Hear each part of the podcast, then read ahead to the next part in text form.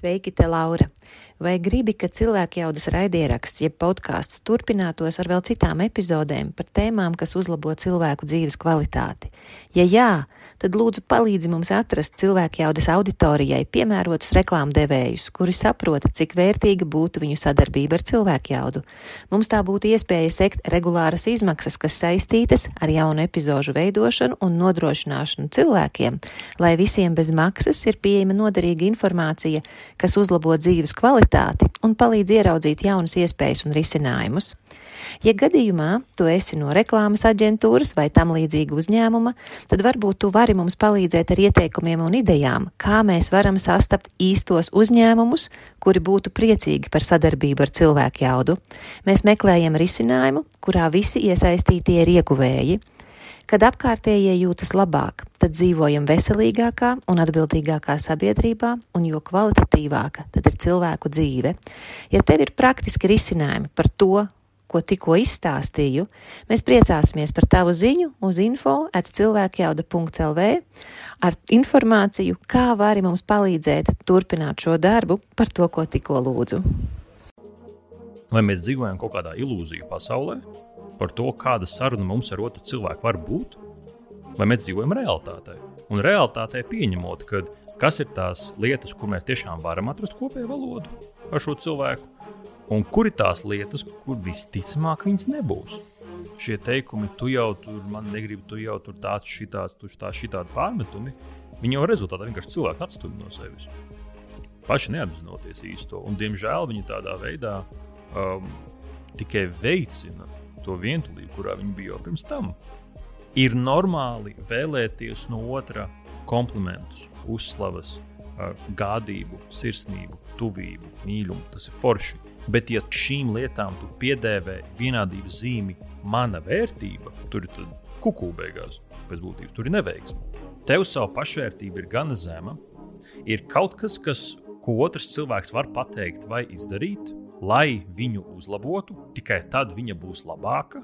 Bet tu šo lietu, ko viņš vai viņa var izdarīt, neteiksi.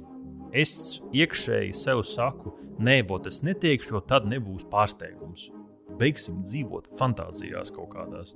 Uzturēt draudzības attiecības, tas arī ir treniņš.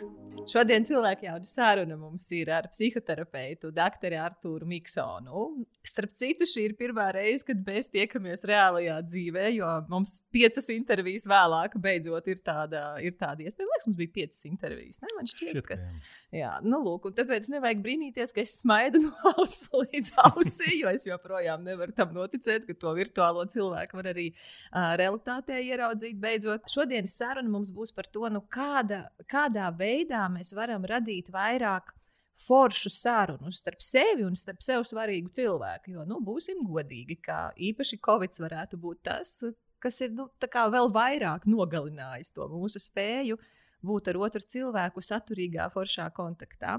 Un šajā sezonā mums ir gana daudz uh, uzmanības mēs pievēršam uh, atkarību tēmai.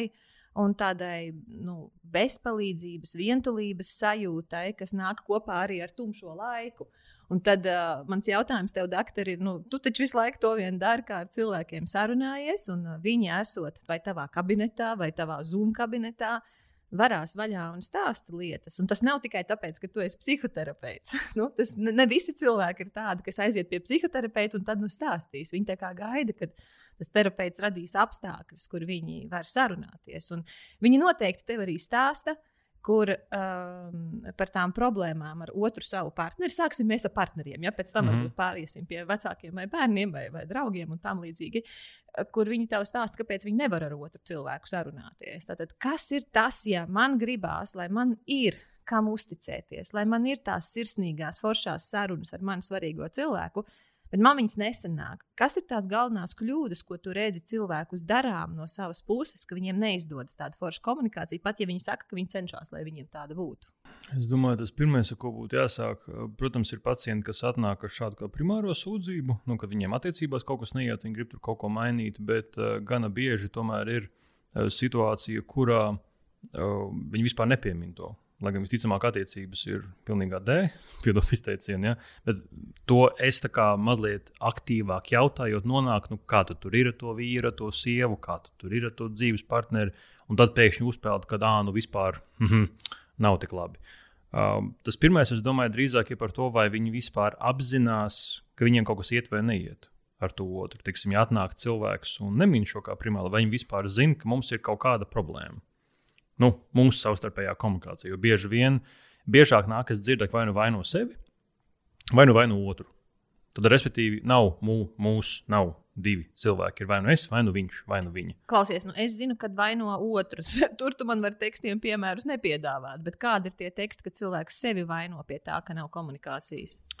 Um, ne tik daudz, ka nav komunikācijas, bet, teiksim, um, nu, burtiski šodien, kā, kā reiz bija um, paciente no rīta, kura kā reiz stāsta, ka, piemēram, situācijās, kur viņa piemēram ir ar vīru, viņa kaut kādā veidā izsaka kaut kādu vēlmi, ko viņa grib no viņa. Beigās, protams, izcerās kašķis. No tā viss normāli nekāda saruna neiznāk, un viņa pēc tam vaino sevi, ka viņa vispār to sarunu ir iesākusi. Respektīvi, nevajadzēja tas, man vispār sākt. Jā, nevajadzēja vispār sākt, nevajadzēja vispār jautāt. Un tas pamazām noved pie tā, ka tā vainas izjūta pēc tās sarunas jau ir gana nepatīkama. Līdz ar to tu nākamajās reizēs pat izvairies kaut ko teikt. Jo tev jau liekas, ka atkal būs atkal kašķis, būs nesaprašanās, es jutīšos vainīga, viņam sabojāta diena apmēram būs. Es labāk vispār šo tēmu nepacelšu. Pirmajās reizēs iespējams pat šādu domu nav, jo tas kašķis vēl nav. Bet tad laika lēnā garā aiziet, nu, kad reku es esmu tā vainīgais, es esmu tā, tā sliktā. Tieši tā kā tu teici, daudz vairāk piemēru, protams, ir, ka nu, viņš jau viņa manī neklausās, kāda jēga vispār runāt, un tur sevis vainošana nekāda vispār nav. Tur kā reiz ir otrā galīga, mm. kad uh, otram kaut ko pārmet. Tad numur viens sākums vispār būtu, vai tu saproti, ka ir vai nav problēma.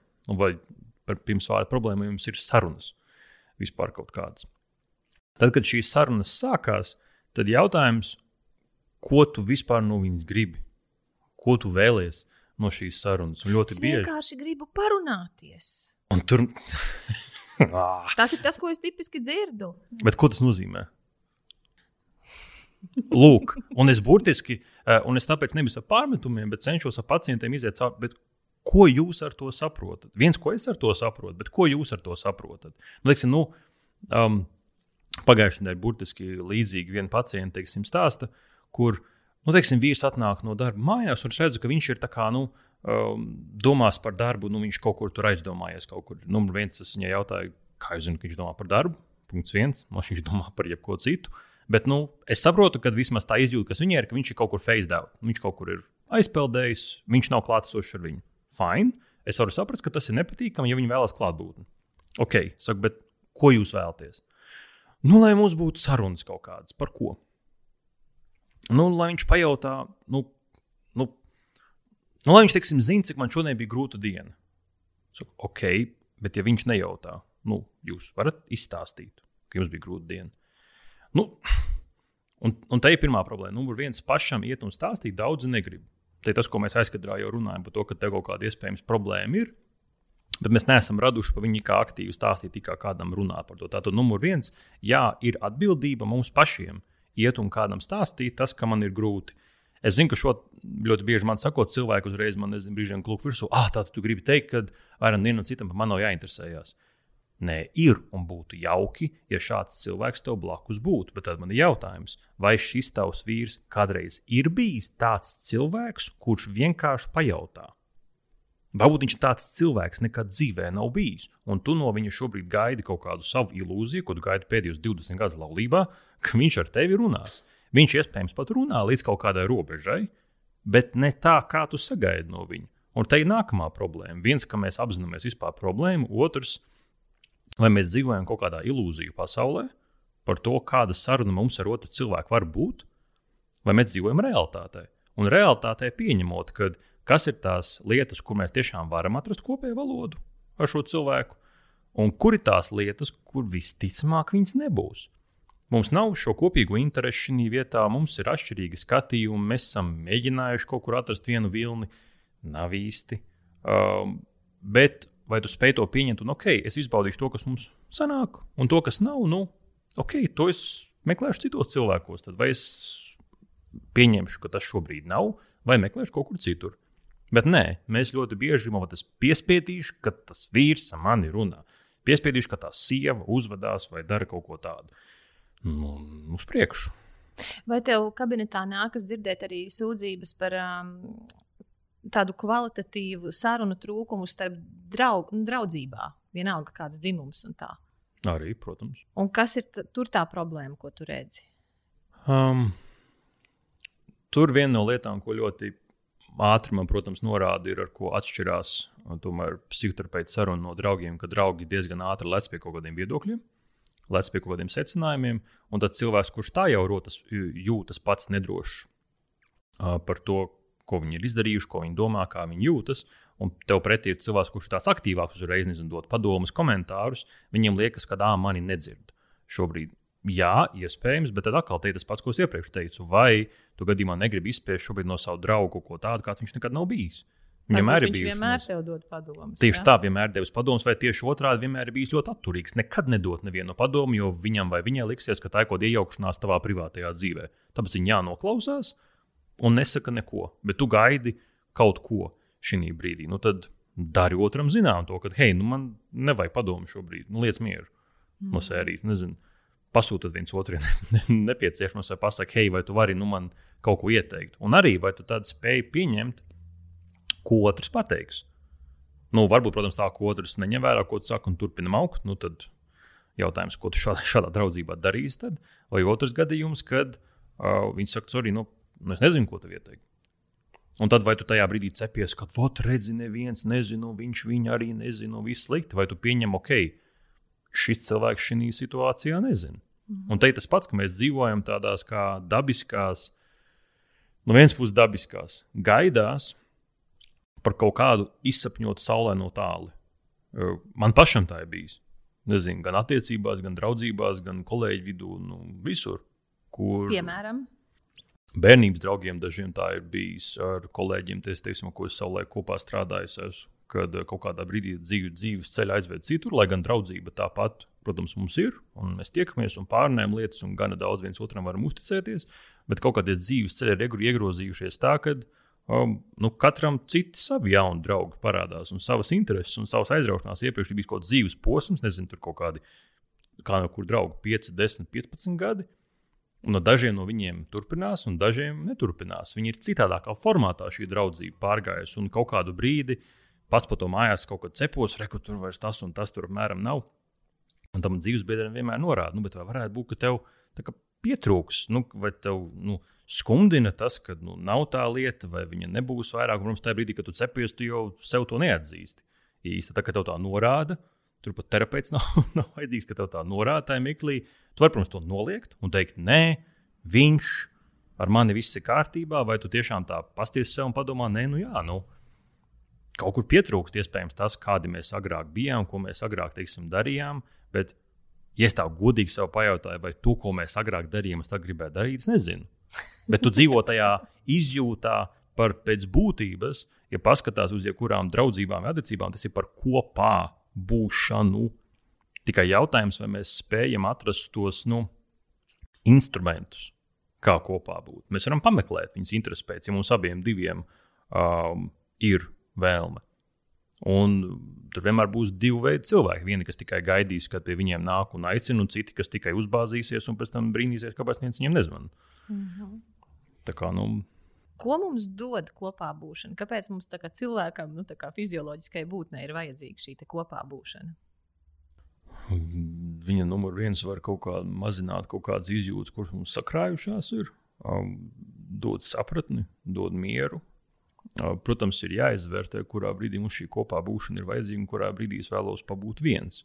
Nu, ir atkal ir atšķirīgi cilvēki. Ir tie, kuriem ļoti otrs cilvēks ir konstanti visu laiku nepieciešams, ir citi, kuriem īsi kodolīgi uz stundu, divām, tad mēnesi nesatikties ne, ne ar vienu. Ļoti atšķirīgi cilvēki ir. Bet, um, tas ir ļoti atkarīgs no dzīves situācijas, kurā mēs esam. Tas var būt vienkārši atbalsts, tā var būt klātbūtne, fizisks kontakts arī kaut kādās situācijās. Nu, vienalga, kas tas ir. Um, ne tik daudz pēc nepieciešamības skatoties, bet es domāju, tas ir ļoti svarīgi. Tas palīdz mums um, vismaz man viennozīmīgi tas palīdz paskatīties uz sevi. Uh, es pats jūtu, pieņemsim, kad es esmu uh, nezinu, nostrādājies ar pacientiem, bijušas lekcijas, tu tā un visu laiku atdevis enerģiju, pumpējies ārā. Tad man satiekot teiksim, kaut kādus tuvus draugus. Kaut vai parunājot, pilnīgi sviests, nezinu, kaut kādus joks, nezinu, tur kaķu mēmus viens otram rādos, un nezinu, ko tas pilnīgi dums Instagram video. Vai pēc tam pārunājot kaut kādas interesantas idejas, es, es personīgi jūtos, ka es uzlādējos tajā brīdī, kad es forši atgūstu enerģiju, um, forši sarunājos ar cilvēku un viss ir baigi labi. Um, bet ir cilvēki, ko es pazīstu arī draugu lokā un kolēģu lokā, kuriem ir pretēji.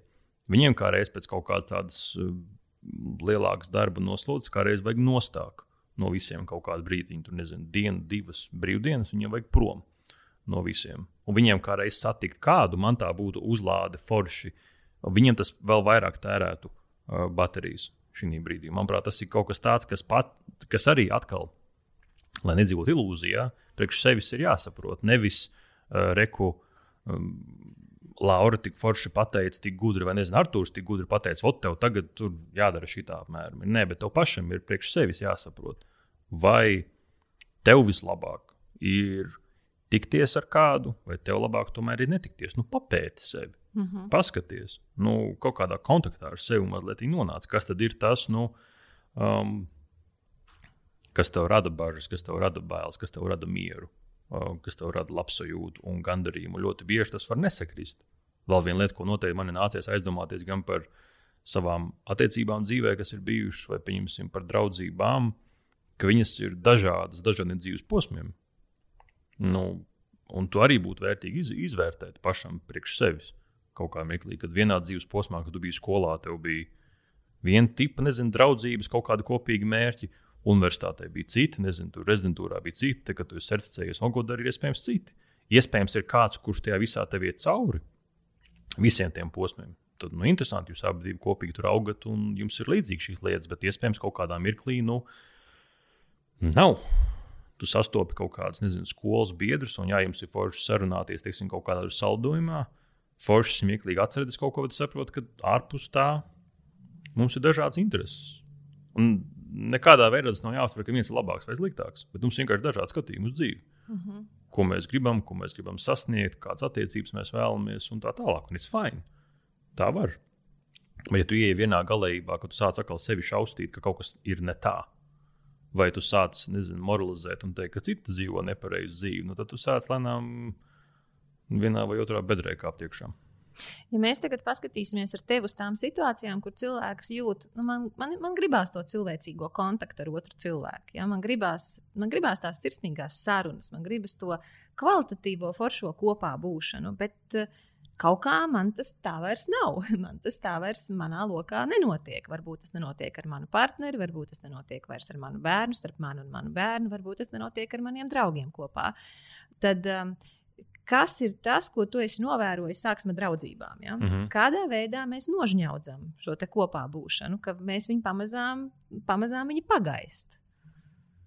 Un, un es pat nedomāju, ka mēs vienkārši atrodamies vienā telpā vai mēs piedalāmies vienā, vienās piedzīvojumos, bet tas, ka mēs ar tevi varam būt kopā un sarunāties, un ka mēs abi esam iesaistīti tajā. Un tas tipiskākais, es saprotu, tur ir miljons un viens, bet kas ir tās nu, visbiežāk tavas novērotās lietas, kur tā lavīna jau negāžās tā, ka uzreiz tur visu ciemu mm. aprok, vai ne? Viņi tur tā pamazām, pamazām tur tās plaisas rodās. Bet jā, tu tā kā domā, kur tā distance veidojās? Jā, pašas kas... sarunas vai ārpus viņas? Es nezinu, ka mēs vienkārši, ka vienā brīdī es atjēdzos, nu, es vairs neesmu to otru cilvēku tādā kontaktā. Varbūt tas ir mans partneris, varbūt tas ir draudzībā, tagad es par draudzību ah, nu, okay. interesējos. Um... Kur ir tas, kur mēs palaidām garām to brīdi, hei, šī tālu nevajadzēja aiziet ātrāk kā es varu redzēt, kas man ir, kur nav riktīgi? Um, nu, tur noteikti numur viens būtu jautājums. Vienkāršākais, manuprāt, kas tā ir par draudzību, cik viņi ir tuvu un kas vispār ir bijis iepriekš. Jautājums, vai tiešām iepriekš bija baigi biežās tikšanās, vai mēs atkal kaut kādā fantāzijā par to dzīvojam, tas ir viens. Otrs, paskatīties, nu, kas tad šajā laikā, kad tu it kā saki sev, redz, kā es retāk viņu vai viņu tur satiku, vai sazvanījos, vai runāju, kas ar tevi šajā laikā notiek. Mm -hmm. Nu, Atcīm redzot, bija kaut kāds iemesls, kāpēc šo cilvēku tu mazāk satiku, un ne, ne obligāti tam ir jābūt um, saistītam ar šo cilvēku. Tur, iespējams, ar viņu nekāda sakara nav. Uh, es teiksim, pats no sevis zinu, nav man tālu jāmeklē, kad uh, kaut kādas draudzības ar cilvēkiem pēdējā pusgada laikā noteikti, vai pēdējos kaut pēdējo pusgadu mazāk, bet tiksim, kaut kādā 8, 9 mēnešu atpakaļ, noteikti viņas sasvārstījās, vai ar kādiem cilvēkiem tikos retāk, jo man bija diezgan aktīvs process savas prakses izveidē. Līdz ar to es zinu, kas tajā bija investējies pilnībā iekšā, to es dienu un nakti tajā visā pasākumā. Un tikai vēlāk es atklāju, bācis, ka to neesmu sazvanījies, to neesmu sazvanījies, nu, ka tu tā, wow, pa, kur es paliku. Un tagad tu tā paskaties, kas ir noticis pēdējos mēnešos, tā, ah, nu, makes sense. Jā, jo man bija citas kaut kādas prioritātes tajā uh, brīdī. Ne obligāti, ka man draugi bija apnikuši vai viņi bija slikti. Nē, es biju ieracies kaut kur. Atskatoties, iespējams, tajā mirklī varbūt tomēr vajadzēja kādam biežāk uzzvanīt, tīri kā tādu draudzīgu atbalstu gūt. Tāpat viņš bija, bet atskatoties mazāk nekā tas bija iepriekš, kad kaut kāda stabilāka ikdiena bija. Katram cilvēkam, kurš teiksim, šo klausās, tā lieta var būt citādāka. Tas var būt jūsu darba pārmaiņas, tas var būt nezinu, kaut kādas attiecību izmaiņas, ģimenes pieaugums vai nezinu, šķiršanās tieši kaut kāda vai jauna attiecība izveide. Ļoti bieži kā ir. Nezinu, gan man pašam, gan paziņām bijis, kā tu izveido jaunas attiecības draugus uz brīdi paiet malā, tad, tad tas draugs draudzene nonāk priekšplānā. Vi, jautājums... Viņi nepaiet malā, mēs viņus pastumjam malā. nu, nu, teiksim, viņi vairs nav priekš. Nē, priek, priekš mums pašiem viņi kā, kā paiet malā, nu jūs kā pagaidiet brītiņu, jā, jā. es pie jums vēlāk pievērsīšos. Ja? Un tad jautājums, vai pēc kāda laika tas atnāk apakaļ, jo tu saproti, tā rozā brīvs ir noskrējuši tagad, kur jūs esat, ja? vai tu pats to nejūti? Kad tas notiek, un tu tik ļoti esi investējies tikai tajās attiecībās, reizēm tas pat varbūt aiziet tik tālu, ka tu atrodi partneri, puisi vai meiteni šeit ir vienalga, kur un kā tas strādā, kas tik ļoti ierauj iekšā vai gaida tavu uzmanību, ka tas nospēlē priekš tevis lielāku lomu nekā draugi. Un tas sākās vis, vis, vis kaut kāda savstarpēja kašķi, kurš ir svarīgāks, kurš ir nozīmīgāks, un tad tur ir nezinu, kuru tu izvēlēsies um, no sērijas. Tagad. Tad katram atgriežoties šī lieta būs cita, kuras dēļ tas mazliet būs, um, nu, teiksim, tā draudzība būs distancētāk kļūst. Tas ir nesaistīts ar draugu vispār. Nu, tad nākamais pa virsmu ir šī pirmā lieta, kāda vispār bija draudzība, kas tev vispār dzīvē notiek. Un tad, manuprāt, viņas var darīt visas trīs vienlaicīgi šīs lietas, bet tad pēdējais ir, kas tad notiek jūsu starpā. Nevis tas, ko es pirmais minēju, kāda vispār ir draudzība, bet vai varbūt ir kaut kas jūsu starpā, kam dēļ nu, tu tā kā distancējies bija. Vai tur ir kaut, kādas, kaut kāda aizvainojumi, kaut kādi pārpratumi, kaut kādi strīdi bijuši. Nu, kas tad acīm redzamāks mm. ir. Teiksim, ja? um, ir dzirdēts, pieņemsim, arī kaut kādas uh, teiksim, nevēlēšanās tikties, jo kaut kādas nepatīkamas tēmas uzpeld visu laiku. Otrs draugs, teiksim, tu zini, ka otram draugam teiksim, tur ir grūti vai kaut kas, un viņš vai viņa konstanti par to runā. Tu to negribi klausīties, tāpēc redz, kā nesanāk. Mm -hmm. Tikties. Bet arī tieši tiekoties, nepasaka, klausies, nu, šodien kaut tēmu parunājam. Nu, kad bez aizvainojuma kaut kāda. Un reku ir tas pats, kad nevis es izvairos no tā visa, bet hei, nu, man pietrūks sarunas ar tevi, bet nu, varbūt mēs varam par kaut ko citu parunāt. Un, ja tajā brīdī otrs cilvēks nezinu, aizsvilstās vai nesaprot, par ko es runāju, nu, tad nu, kaut kur mēs nesaprotamies. Big. Um, tā pati vecā labā skaudība, ko mēs sen runājām, arī nav jau nekad izdzēsta. Nu, draudzībās arī viņi var eksistēt, ka pēkšņi vienam draugam vai draudzenei kaut kas ir vairāk nezinu, tur pēkšņi ir labāks darbs, labāka mašīna, māja, ģimene, bērni, nezinu, vēl kaut kas, karjera kaut kāda attīstījusies. Ir, un tev negribās saskarties ar to. Viens ir tīri tevis paša faktors, ka tu negribi saskarties ar to, ko tu dzirdi, bet otrs ir, ja varbūt otrs vēl nes to priekšplānā. Un par to stāstu un dalās, nezinu, pat, pat ne lielās, bet lepojās ar to, ka, teiksim, rekus sanāca kaut ko, un tev ir grūti priecāties kopā ar savu draugu. Nu, tad arī ir tā, un tad tu atradīsi priekš sevis 101 skaidrojumu, kāpēc tev viņš vai viņa nav jāsatiek šobrīd. Tad šīs trīs lietas ir kaut kas, ko es sevi pa laikam atgādinu. Arī ko man tā draudzība vispār ir nozīmējusi, kas ar mani pēdējās nedēļas, mēnesis, divas ir noticis, kādēļ es kaut kur varbūt tālāk, distancētāk esmu bijis. Varbūt es vienkārši gribēju laiku sev. Un man tad nevajag lieki sev pārmest, kad reku es kaut kādam draugam tur mm, nepiezvanīju, apmēram.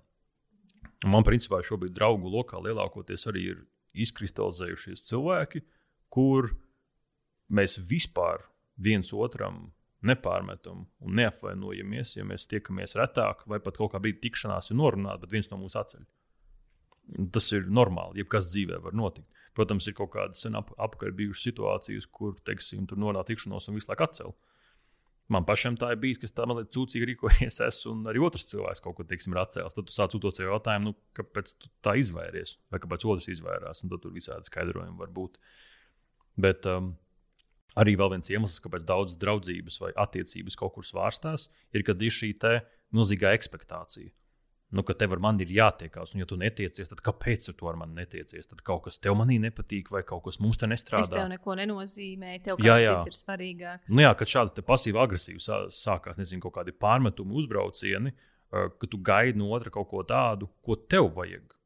Varbūt otram nemaz to nevajag, vai otrs nekad to nav ne tev sniedzis, ne solījis.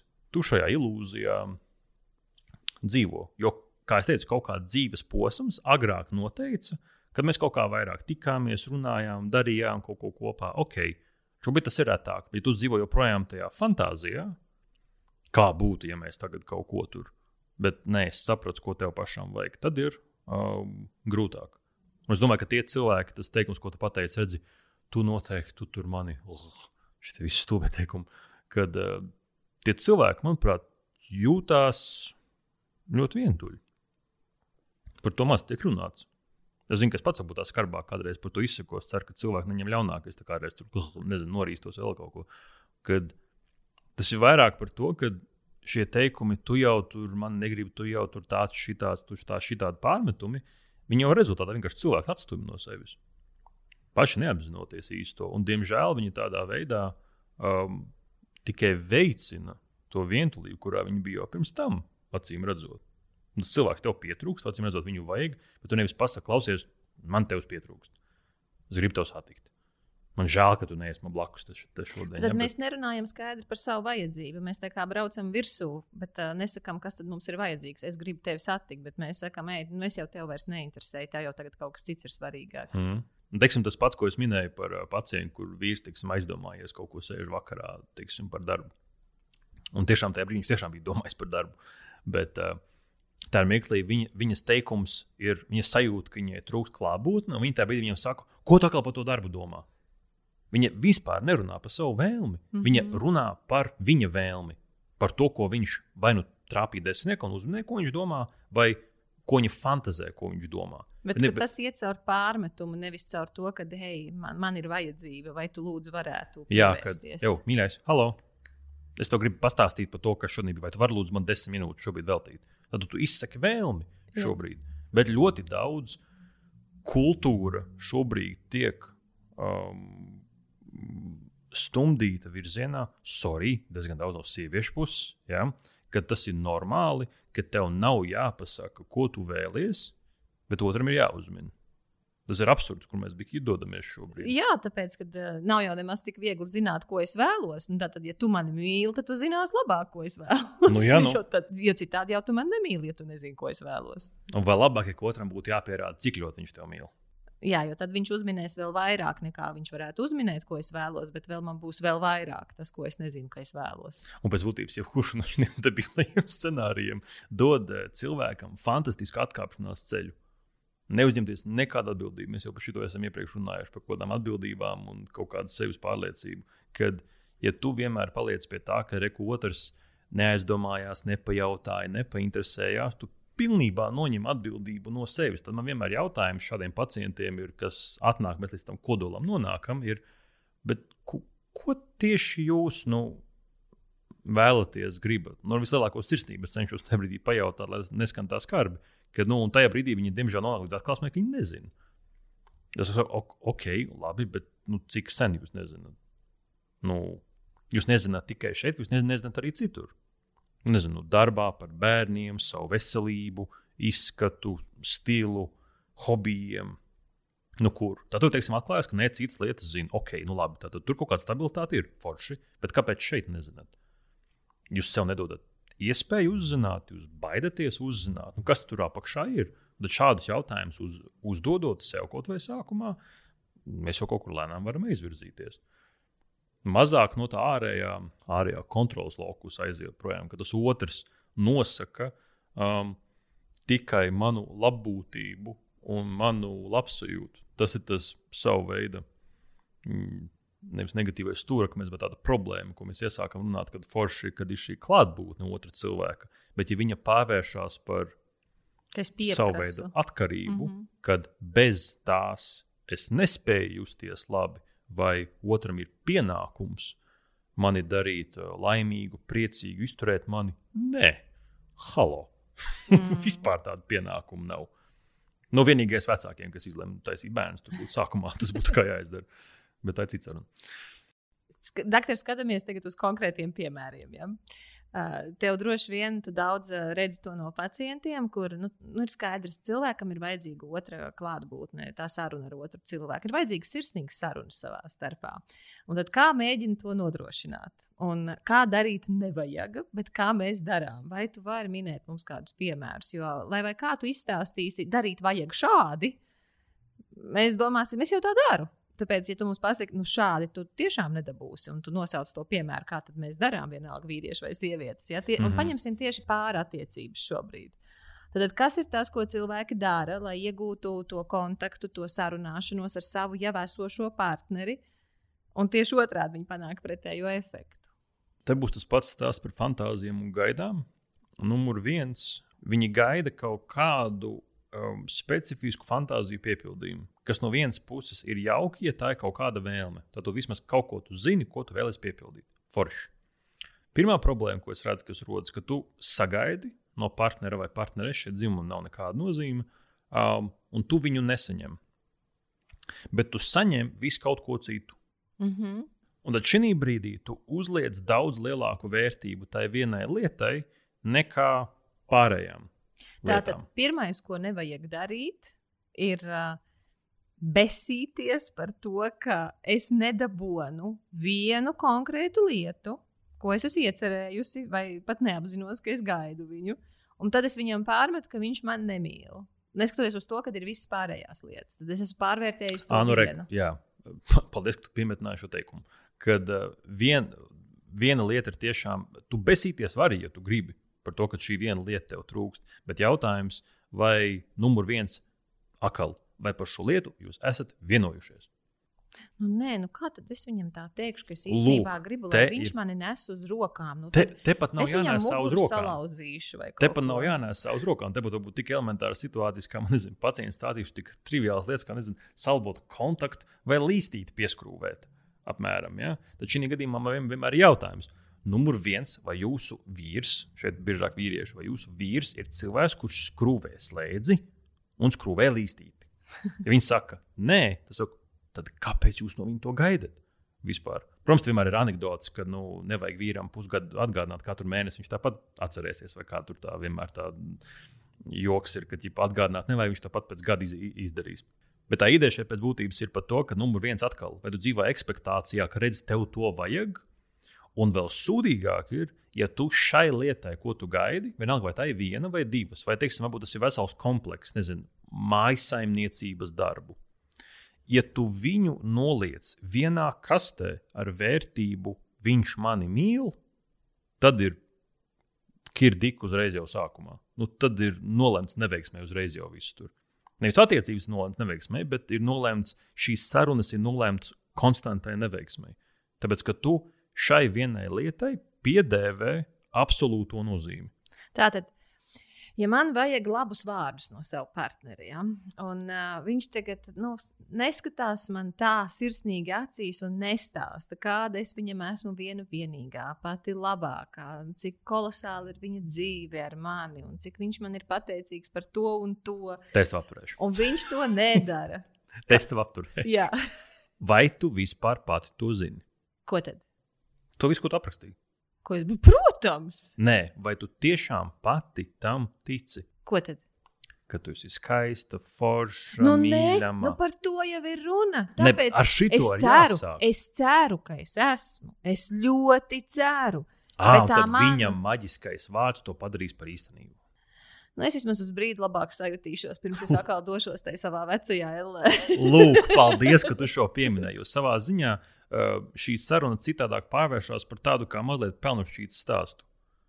Ka tas vīra teikums šī brīdī ir tāds savu veidu ķirbi pārvēršana par karieti. Pēc būtības tu tāds kā ķirbis sēdi, tur nu pasakā, man kas uz karieti. Nē, mīļā, tu esi ķirbis. Ja? Bet to negribās dzirdēt. Un tad šī gadījumā ir atkal tā ārējā kontrols lokusa problēma, kad ir normāli vēlēties no otra komplimentus, uzslavas, gādību, sirsnību, tuvību, mīlumu. Tas ir forši. Ir dabiski, ka tu vismaz ļauj, atļauj sev gribēt šīs lietas. Bet, ja tu viņām tieši tāpat, kā es teicu, salabot kontaktu nozīmē vienādības zīmi mīlēt, vai šīm lietām tu piedēvē vienādības zīmi mana vērtība, tad nu, tur ir, tur ir kuku beigās pēc būtības. Tur ir neveiksme atkal. Tāpēc, ka sanāk, ko līdz viņš um, nevis obligāti tāpēc, ka viņš negrib teikt komplimentu. Varbūt arī. Vai viņš negrib palīdzēt tīrīt māju, vai viņš negrib audzināt bērnus, vai viņš negrib kaut ko tev darīt, apmēram. Tad sanāk, kad viņš šīs lietas neizdara, vai viņš negrib, vai apstākļu sakritība. Viņš, teiksim, ir saguris, viņš nav klātesošs komandējumā vēl kaut kur. Tad sanāk, bez viņa klātbūtnes tava pašvērtības sabrūk. -hmm. Pilnībā. Mm -hmm. Un tas jau arī savā mērā uzliek lielu spiedienu, arī viens no iemesliem, kāpēc daudzas sarunas nenotiek. Gan draudzībās, gan attiecībās. Attiecībās ir izteikti, eh, vēl izteiktāk. Ja attiecību sarunās šai sarunai nozīme ir, lai es turētu tavu pašvērtību konstanti, tad viņa agrāk vai vēlāk vienā brīdī kļūst man smagnēja. -hmm. Un es mēģināšu no viņas izvairīties. Bet, ja tajā brīdī, teiksim, es nejūtu, ka es to vien gaidu kā no tevis komplimentus, Laurija. Tad tur tīri dabiski vienā brīdī teiks, no tur šodien tā kā nerunājam, tā kā rītā arī nē. Un es tā, oh, tu mani nemīli. Mm -hmm. Jā, viss slikti ir.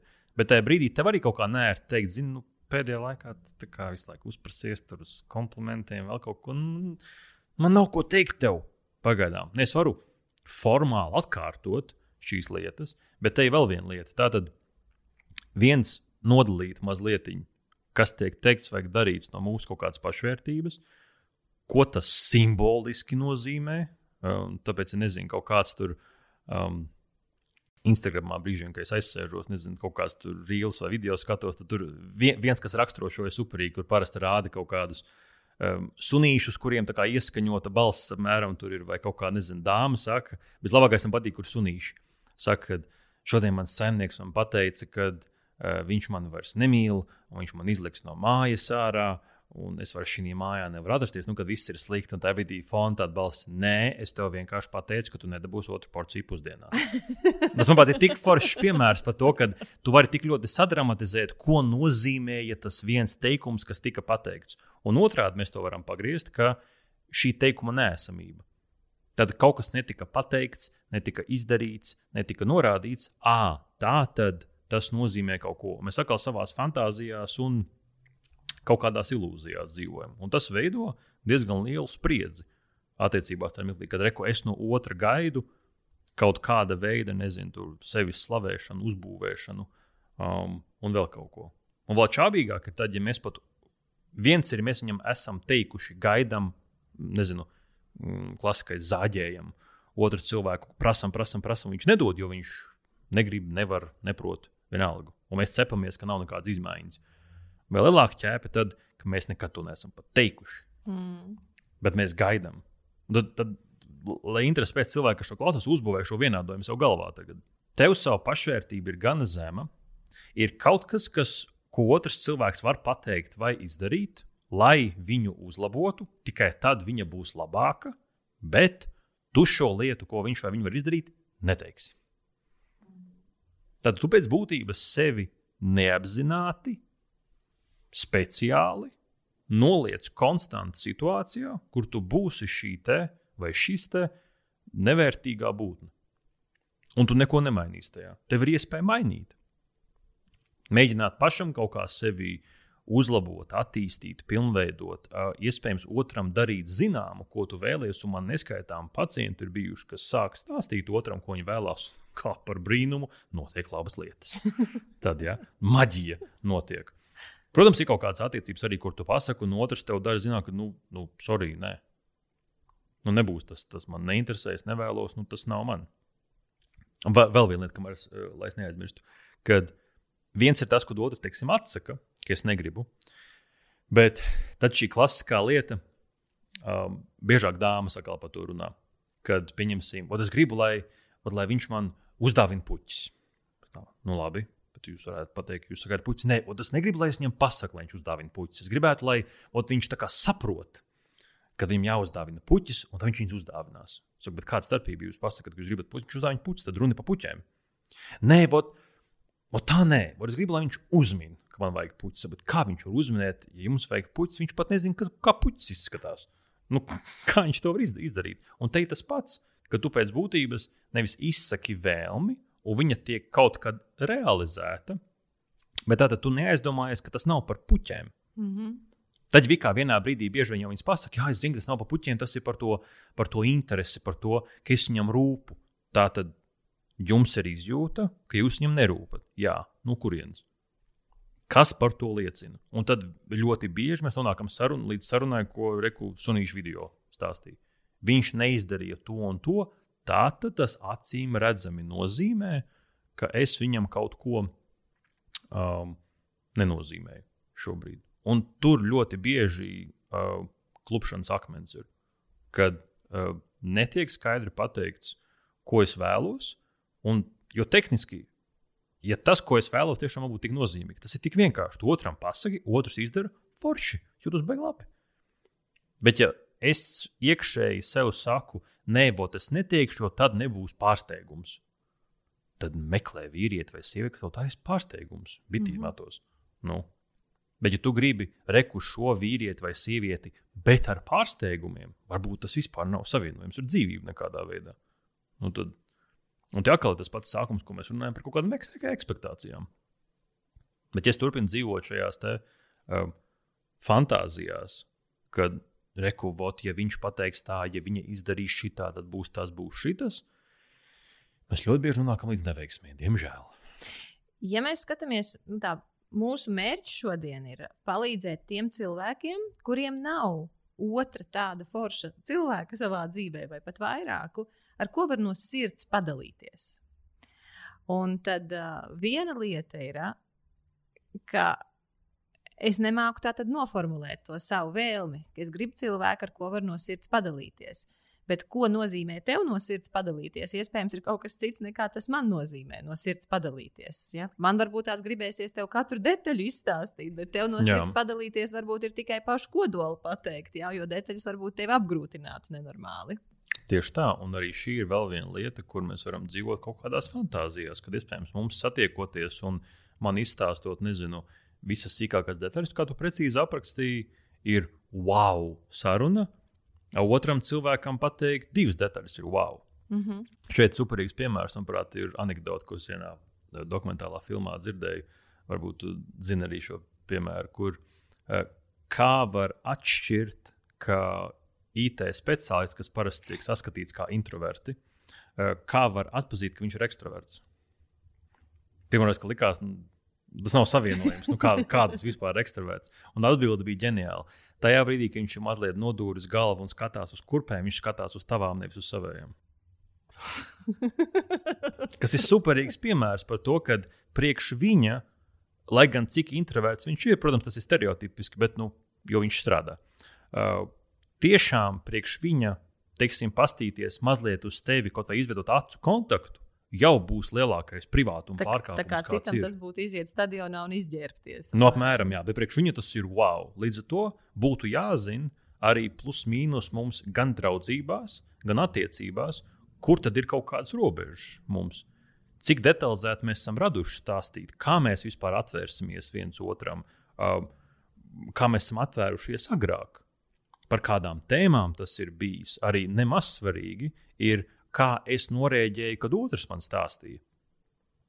Kā otrs norēģēja, kad es viņam kaut ko stāstīju. Un šo arī integrēt tajā visā vienādojumā uh, iekšā. Uh, bonusā tam es ticu, ka noteikti ir cilvēki, kuri ir tik ļoti dzīves laikā, um, dažādu apsvērumu dēļ, izolējuši no citiem, ka viņiem nav tāda tuvā cilvēka šobrīd, tad tā skumjāk ir, jo viņiem tiešām nav vieta, kur justies labāk, atbrīvoties, justies uzklausītam. Um, ja šie cilvēki jūt tādu milzīgu diskomfortu un tiešām neredz, kā viņi paši var spērt tos pirmos soļus, tad es tiešām iesaku šādās situācijās varbūt tiešām vērsties pie terapeita. vai, ja nav psihoterapeita, varbūt pie psihologa, teiksim, kad nu, vismaz sākt būvēt kaut kādu spēju, uzticēties kādam, dalīties ar kādu. Bet tie, kuriem ir kaut kādi cilvēki, vismaz, tur daudz vairāk, biežāk nākas saskarties ar to, ka ir kaut kāda veida kauns. Un kauns par to um, visbiežāk savu fantāziju, atkal kā otrs reaģēs, ja es kaut ko izstāstīšu. Un tas var ranžēties jau no tik triviālām, vienkāršām lietām, kā otrs reaģēs, ka es viņam trīs nedēļas neesmu zvanījis. Vai mēnesis vai divus mēnešus, kā viņš to reaģēs, ko, ko viņš viņa teiks, kā viņa tur īstenībā viņai piezvanīja. Oh, čau, kur tu biji? Un viņi priecīgi tev dzirdēt, tad tu savā galvā jau uzbūri tur milzīgu soļu kaut kādu. Tad tas ir numur viens, tīri par jūsu savstarpēju interakciju. Otrs, tas var vilkties daudz dziļāk par kaut kādu kaunu izjūtu no kaut kādām Uh, nesenām pieredzēm, dziļām bērnības pieredzēm, kuru vienmēr par kurām kodolā mums ir bijis kauns un nērti. Un tāpēc man šķiet, ka nu, es taču nevaru nevienam vispār par to stāstīt, ko, ko citi teiks, ja viņi uzzinās teiksim, par to. Un tu vari to tēmu, protams, necelt, un citas tēmas kaut kādas celt, mēģināt ar draugiem, tur mēģināt to tēmu pacelt. Ļoti bieži izrādās, ka tu sāc par to runāt, daži draugi mēģina to, oh, man vispār arī bija līdzīgi. Jā. Un tāda atklātāka saruna pēkšņi tajā brīdī uh, sākās. Lai gan līdz tam mēs dzīvojam atkal kaut kādās fantā... Principā lielākā problēma, nezinu, nosaukums šodienai varētu būt beigsim dzīvot fantāzijās kaut kādās. Viņas ir foršas, ka mēs kaut ko plānojam uz priekšu, mums ir kaut kāda vīzija, mums ir ideja, tur viņas ir foršas. Bet, kad mēs dzīvojam fantāzijās par ikdienas sadzīvē, nederēs. Par attiecībām, par draudzībām, par kolēģialitāti kaut kādu, viņa nestrādā. Tas vienkārši nestrādā. Jo tad mēs sākam ne, tik, ne tikai viņu fantazēt, mēs sākam ticēt tam, ko mēs izfantazējam. Mēs vairs nepārbaudām realitāti. Savā ziņā, kāpēc man varbūt kaut kādas ikdienas sarunas ir mazliet vieglākas, tāpat jau kaut kur buksē man kādreiz kaut kādas lietas, bet tāpēc, ka man tas konstanti jādara pacientiem. Es nevaru visu laiku paļauties uz kaut kādu savu fantāziju par pacientu, ko, ko viņš ar to šeit domāja. Es viņam pajautāju, Tas man vienkārši ikdienā uztrenēts. Ir. Tas man mazliet citādāk, jo tas man ir darbs. Bet arī, kad teiksim, es tiekos kaut kādiem draugiem, ka viņi kaut ko saka, man rodas kaut kāda doma, viņiem pārjautāju. Vai tas nozīmē, ka? Vai tas nozīmē šito vai to, vai kaut kādās reizēs es teiksim, esmu um, sajūties nērti, kā es to jautāšu. Teiksim, un kā reiz nesen bija, mēs ar Čomu satikāmies. Um, man kā reiz bija vienkārši, es biju bijis um, tajā dienā kafejnīcā redzējis interesantu piemēru. Es domāju, viņam pajautāt. Un viņš ir vairāk uh, krievu izcelsmes. Uh, bet, zina abas valodas, viss ļoti labi un integrējies pilnībā kultūrā. Bet uh, tas piemērs, ko es redzēju, bija kafejnīcā, un man nekad nav bijis saprotams, kāpēc biežāk krievu kultūras pārstāvi, tīpaši ceļiem, tas ir stilīgi, nesāt treniņbikses ar lakādu kurpēm mm -hmm. vai, spīd, vai kaut kādām spīdīgām kurpēm. Un, un man bija interesanti viņam pajautāt, nu, vai tas ir kaut kāds vēsturisks aspekts, tas ir kaut kāds, tas ir kaut kāds nu, nezinu, statement, tas ir status kaut kāds, par kuru es nezinu kaut ko. Nu, jo latvieši labi nezina par to, var pastīties un ierēt, bet mēs jau nezinām, ko tas nozīmē. Īsti varbūt viņš zinās. Un es pats pamanīju sevi, ka man ir nērti viņam jautāt. Nu, kad, zin, kā tur latvieši, krievi un tā, kaut kā mums vispār tāda dalījuma nav savā savstarpēji. Viņam tā kā saku, man tāds īpatnējs jautājums ir. Viņš sākumā saka, jā, intriga. jā, viņš saka, ko tu man jautās? Es viņam pajautāju, viņš saka, nu, normāls jautājums, ko tu cepies apmēram. Tur viņš jau izstāstīja, kā nu, viņš to redz no savas puses. Nē, nu tagad tas tev ir jāpaskaidro. Mēs nevaram atstāt šo noslēpumā. Viņš arī nezināja reāli. Vienīgais viņa skaidrojums bija par to, ka, ja teiksim, tas ir cilvēks, ko es daļai varu saprast, ja tas cilvēks izcenis ir saistīts ar sportu, tad viņam tas uh, treniņu tēvs neasociējās, ka tas ir atšķirīgs apģērbs no jebkura cita.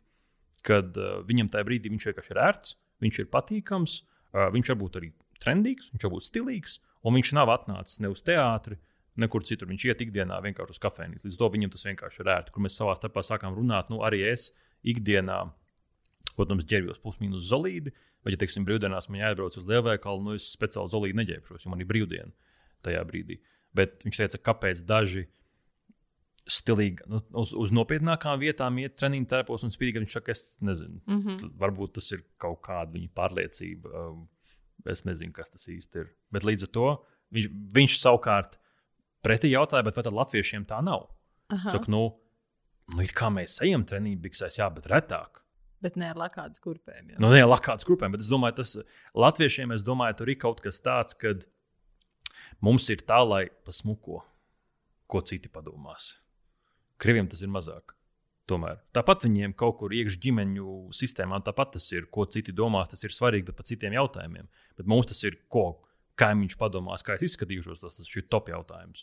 Līdz ar to mēs vienmēr būsim zelīdi, savākti, sapucēti, pat tur, kur nevajag. Mm. Vispār, bet mēs būsim tā pasmuko. Tāda bija interesanta pieredze priekš manis, tā off-topics, kur pirms gadiem, četriem, pieciem, kad es aizbraucu uz Oksfordu.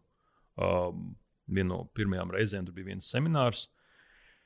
Mēs ar Čomu kādreiz braucam, uh, abi divi divmetrīgi čaļi. Nu, mēs zinām, kā nu, jau braucam konferenci, mēs tur līdzi koferos, tur zolīdi krekli, tur uzvelk bikses kaut kas, jo ir divi dievu konferences, tad ir konferences dinners svinīgais, un tad noslēdzošā diena. Nu, un mēs tur kā jau pieraduši Latvijā, ka tā pasmuko viss ir. Konferences dinnerā, protams, arī tur zolīdi ģēbušies, bet pārējās visas dienas, nu, tur zolīts krekls, bikses, nu, bez žaketes staigā. Un pirmo reizi dzīvē es redzēju, protams, kultūrālās atšķirības, bet tur ir sabraukuši um, emeritēti profesori, tur ir klīniku vadītāji, vēl, nu, nopietni kadri, visi, kas tur ir.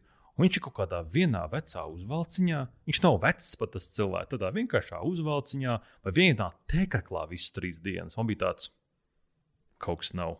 Kaut kas nav. Tev, tev smadzenes nesaprot šobrīd, kas vispār tajā brīdī notiek. Bet tas priekš manis mainīja um, mazliet to skatījumu. Jo, ja paskatās mūsu konferences, latviešu, nu, tur tā kā uz modes skatu ir. Parastākā konference, tā nav opera. Bet ir jāatnāk tā, kad vakar pirkts uzvalks ir. Mm -hmm. Sievietēm tur zolīdas, kleitas, kostīmi, nē, smuki, visu cieņu. Ja? Bet varbūt ne šeit. Mm -hmm. Te var tā vienkāršāk, bet ne tāda bikīta, krievu vārdiem, tāda pahazuha bikīta, ir, ka vajag uh, parādīties. Un tas arī ir mazliet, starp citu, savalkot šo kopā ar ha, draudzībām un attiecībām, ka tur arī ļoti bieži ir skaudības tēmas, starp citu, attiecībās tas ir sprādziens par to, ka bieži strīdi, nesapratnes, distance starp attiecībās esošiem partneriem veidojās par to, kad ir skaudība vienam no viņiem par to, kas ir citās attiecībās. Mm -hmm. Un tad sāk pieprasīt no otra, redzēt, es gribu tādu sievu vai tādu vīru vai tādus bērnus. Tu pat nezini, vai tev vajag to, kas ir otram. Mm -hmm. Bet reku tev savajadzējās. Un tad sākās kaut kādi strīdi un nesaprašanās. Un šī gadījumā, ja tas vēl sakombinējās ar to iekšējo nedrošības vai pašvērtības kaut kādu sajūtu, tad tā distance kļūst vēl lielāka. Jo tad ne tikai tev ir jāapmierina mana vēlme, vai tu mani mīli vai nemīli, bet tad reku mums vēl jāatbilst tam standartam. Un tad veidos vēl lielāku plaisu.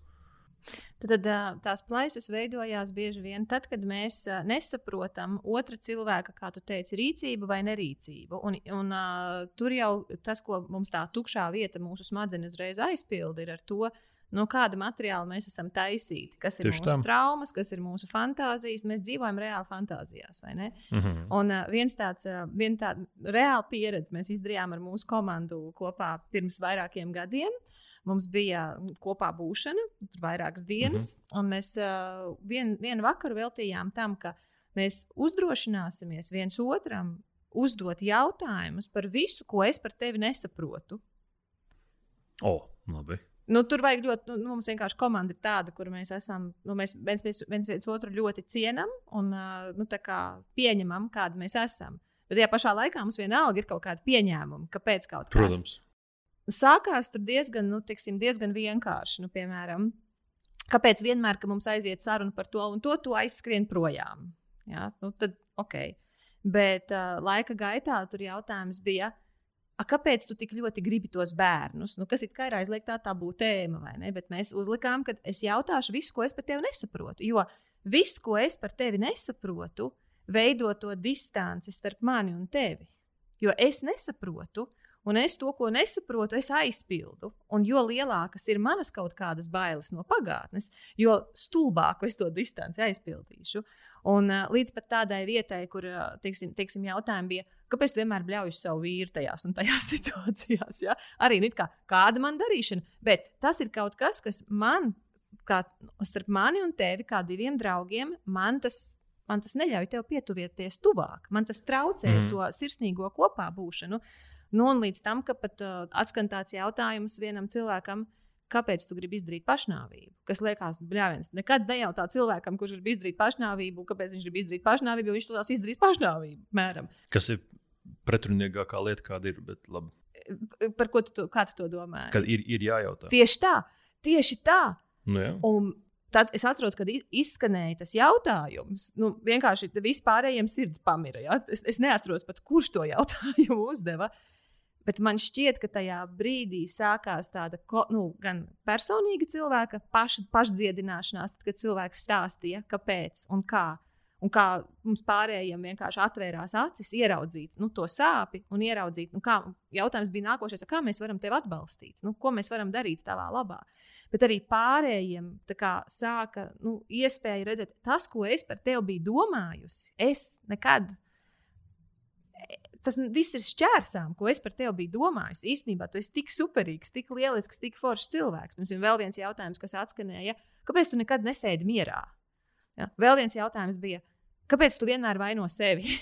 nu, tev, tur vispār nav nekādas vainas, bet kāpēc tu tajā situācijā vienmēr vaino sevi? Un, un mums tas noteikums ļoti vienkārši ir jāatbild pavisam godīgi. Un es nevaru aprakstīt to ma maģiju, kas tajā brīdī notika, kad tu pēkšņi saproti, un tu klausies to otru cilvēku, un tu to nedzirdi tikai pa viņu, tu to redzi arī uz vairākiem citiem cilvēkiem savā dzīvē.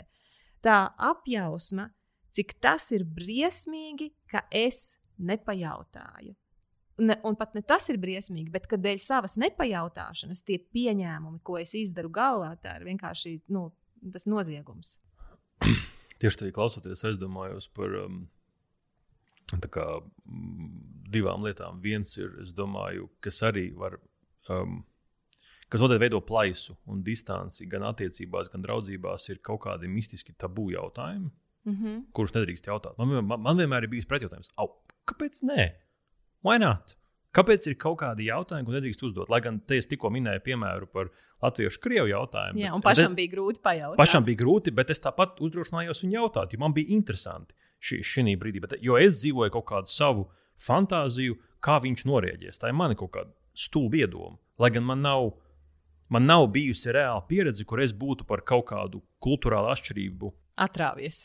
Jautājums būtu atrāvies un būtu norādīts vai pārmests kaut kur. Nekur bet tas ir vairāk daudz dziļāk, ka tev bērnībā mācīs jautāt nedrīkst. Tas tāpat kā šobrīd ir tēma tabū par.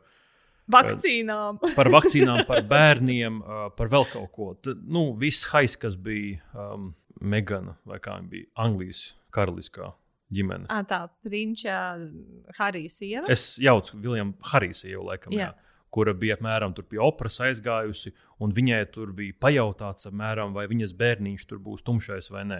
Man tāds, Tas ir normāls jautājums. Halo!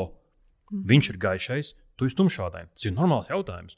Vai jums būs vairāk gaišs bērns, vai jums būs tumšs bērns? Ja tas ir kaut kā, bet tam momentā tiek piedāvāta tāda rasistiska konotācija klāt, kas noteikti bija ar mērķi viņu izslēgt. Nē, man interesē. Es zinu, ka mums ir e, ģimenē pazīstama, pieņemsim, e, ģimene, kur ir latviešu e, meitene un turku puisis. Mums bija interesanti, nezinu, viņš vairāk uz gaišo, tumšo pusi būs vairāk ar interesi, nu, kā tas bērns iztīsies. Viņam, nezinu, būs taisna matra, čirkaina matra. Nu, kāds viņš būs? Tur nevis apmēram, mmm, jums tie melnie bērni. Ja? Nu, tā jau tāda, nezinu, aizspriedumaina domāšana. Bet šī gadījumā tas arī rāda, ka mēs nevaram veselīgi diskursu taisīt.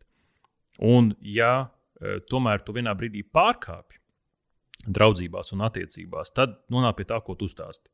Uz pēkšņi atklājumu, un katarsu, un sirsnību un sapratni. Um, ģeniāla grāmata, ko es vēl neesmu pabeidzis, bet beidzot pieķēros un sapratu, kāpēc tik daudziem, daudzām pacientēm viņi bija grūti lasīt. Tas ir um, Noras Ikstens mātes piens. Fantastiska grāmata. Ja tu lasījusi, vai Un viņa stāv pie obligātās Ah. literatūras. tur baigais, labi, Man spoiler. vienkārši tev- man tev viņas būs. fiziski vēl nav. Es katru reizi, Ah. kad atbraucu uz Latviju, es sev saku, man ir jānopērk tā grāmata, un es vienkārši fiziski netieku līdz grāmatnīcai. Bet tā lieta, kas man ļoti viņā patika, ir, ka man pašam, protams, viens ir lasīt interesanti, tīri kā grāmatu, kā pieredzi, otrs tīri kā profesionālim, jo tur, ja es pareizi esmu uzķēris to grāmatu, ka vienlaicīgi uh, Iksten tā kā raksta par sevi. Bērnībā un par savu māti pirmajā personā, ko ir grūti saprast. Es gan nezinu līdz galam, cik no tā visa ir viņas fantāzija par to, kā bija, cik viņa ir reāli ar māmu runājusi. To būtu interesanti palasīt, kas tas ir. To es gribu izdarīt pēc grāmatas lasīšanas, lai tie nesabojātu sev to priekšstatu. Bet tur ir tā interesanti, ka tu lasi sākumā, un šķiet, ka tā mamma ir briesmīgs cilvēks.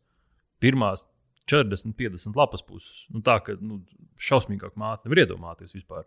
Un tad nāk, jo lapas puses iet tālāk, tu sāc saprast, kāpēc viņa tāda ir. Tas neattaisno to, kāda viņa bija. Kad, ah, nu redz, tāpēc jau viņa tur nekorekti uzvedās un brīžiem tiešām ļoti nevērīgi atstumjoši pret savu meitu. Um, bet tu saproti, kam dēļ.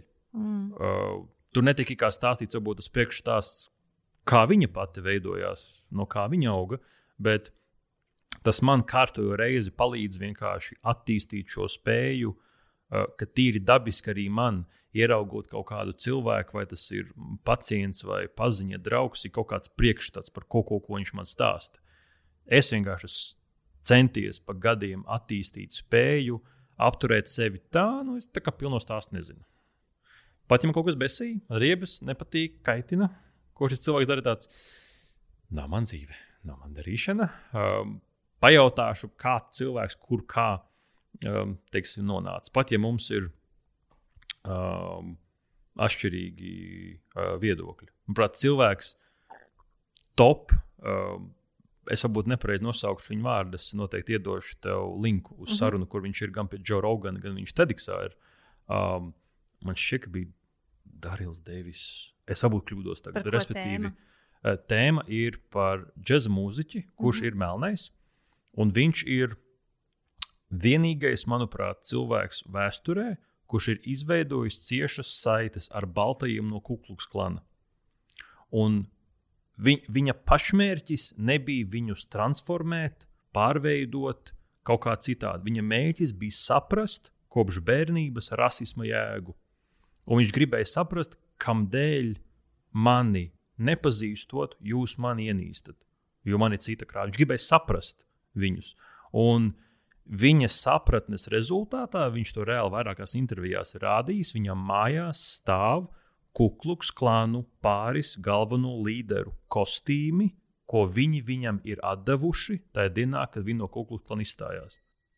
Man pilnīgi tirpas pa visu Tur vienkārši pie Joe Rogana podkāstā viņš runā arī par citām tēmām. Tur viņš vienkārši stāsta detalizēti visādas sarunas, bet tā Mm. TEDx ir ļoti kompresēta, Mm -hmm. kur viņš tiekās viens pret viens, kā mēs šeit, ar vienu no, eh, manuprāt, vai nu štata, vai varbūt pat Amerikas vienu no galvenajiem kukluks kalnu līderiem.